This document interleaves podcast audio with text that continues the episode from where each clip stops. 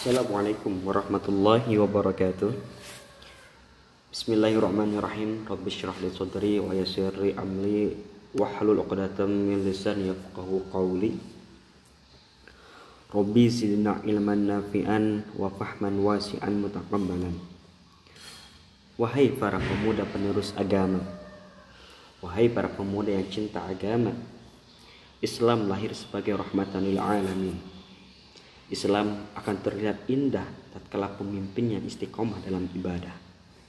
Islam akan memancarkan cahayanya tatkala pemimpinnya mencintai Allah Subhanahu wa taala dan rasulnya. Beriman kepada risalah yang dibawakan oleh Rasulullah Muhammad Shallallahu alaihi wasallam menjadi ukuran dalam menegakkan hukum syariat Islam. Manusia merupakan makhluk terbaik yang diciptakan oleh Allah Subhanahu wa taala di permukaan bumi ini. Keunggulan manusia di antara makhluk lainnya adalah dengan demikian dimilikinya akal untuk berpikir. Dengan akalnya manusia dapat sesuatu yang luar biasa dan dengan akal yang dimilikinya manusia diamanahi tanggung jawab yang besar yaitu sebagai khalifah. Untuk apa? Untuk mengurusi bumi.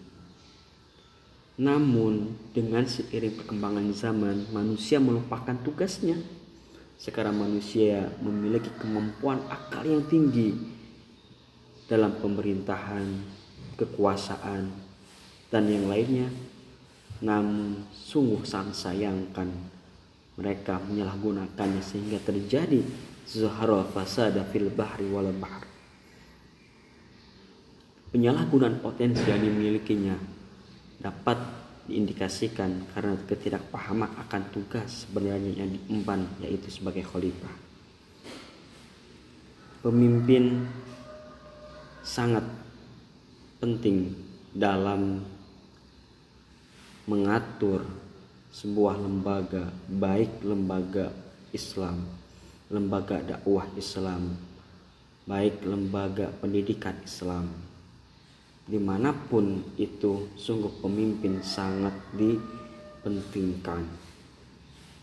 Dalam buku Manajer Juara karya Nick Feeling cetakan 2009, 2009 penerbit Gaprin bab 2 ketika mendengar kata pemimpin seolah-olah telinga ini tertampar petir. Mengapa demikian? Karena pemimpin bukanlah orang biasa, melainkan orang yang berjiwa superpower, berwibawa, disegani, dan berpakaian rapi. Namun dibalik berpakaian rapi, berbicara di depan audiensi terpakau atas seni bicaranya, mereka menyimpan sebuah amanah. Mereka memiliki beban yang sangat berat Allah Subhanahu wa taala berfirman dalam surat Al-Baqarah ayat 30. Wa qala rabbuka lil malaikati inni ja'ilun fil ardi khalifah. Maka dalam melaksanakan tugasnya menjadi seorang pemimpin perlu beberapa hal yang harus dimiliki seperti organizing, evaluating, controlling ini sangat diperlukan dalam seorang pemimpin harus memiliki ilmu tersebut guna tercapainya suatu tujuan. Sosok pemimpin tidaklah mudah seperti membalikan tangan, pengalaman, dan keahlian dalam mengatur tim untuk memastikan kelangsungan baik hidup tim atau bawahnya dalam lembaga yang dipimpinnya.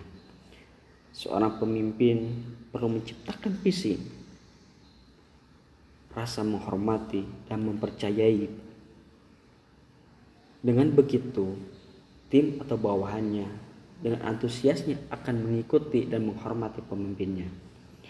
Visi adalah suatu yang kreatif yang berlandaskan esensial yaitu berkesepahaman hal-hal terpenting. Rasa hormat datang tatkala memutuskan tugas. Tindak ini sangat berpengaruh daripada kata-kata, bahkan lebih berpengaruh dari tindakan secara tidak sadar. tim akan menghormati pemimpin yang dimiliki kompetensi dan profesionalisme. Kepercayaan datang dari kejujuran dan keterbukaan, serta bawahan akan mencocokkan perkataan dengan perbuatan pimpinannya. Baik setelah tersampaikannya pengertian dari pemimpin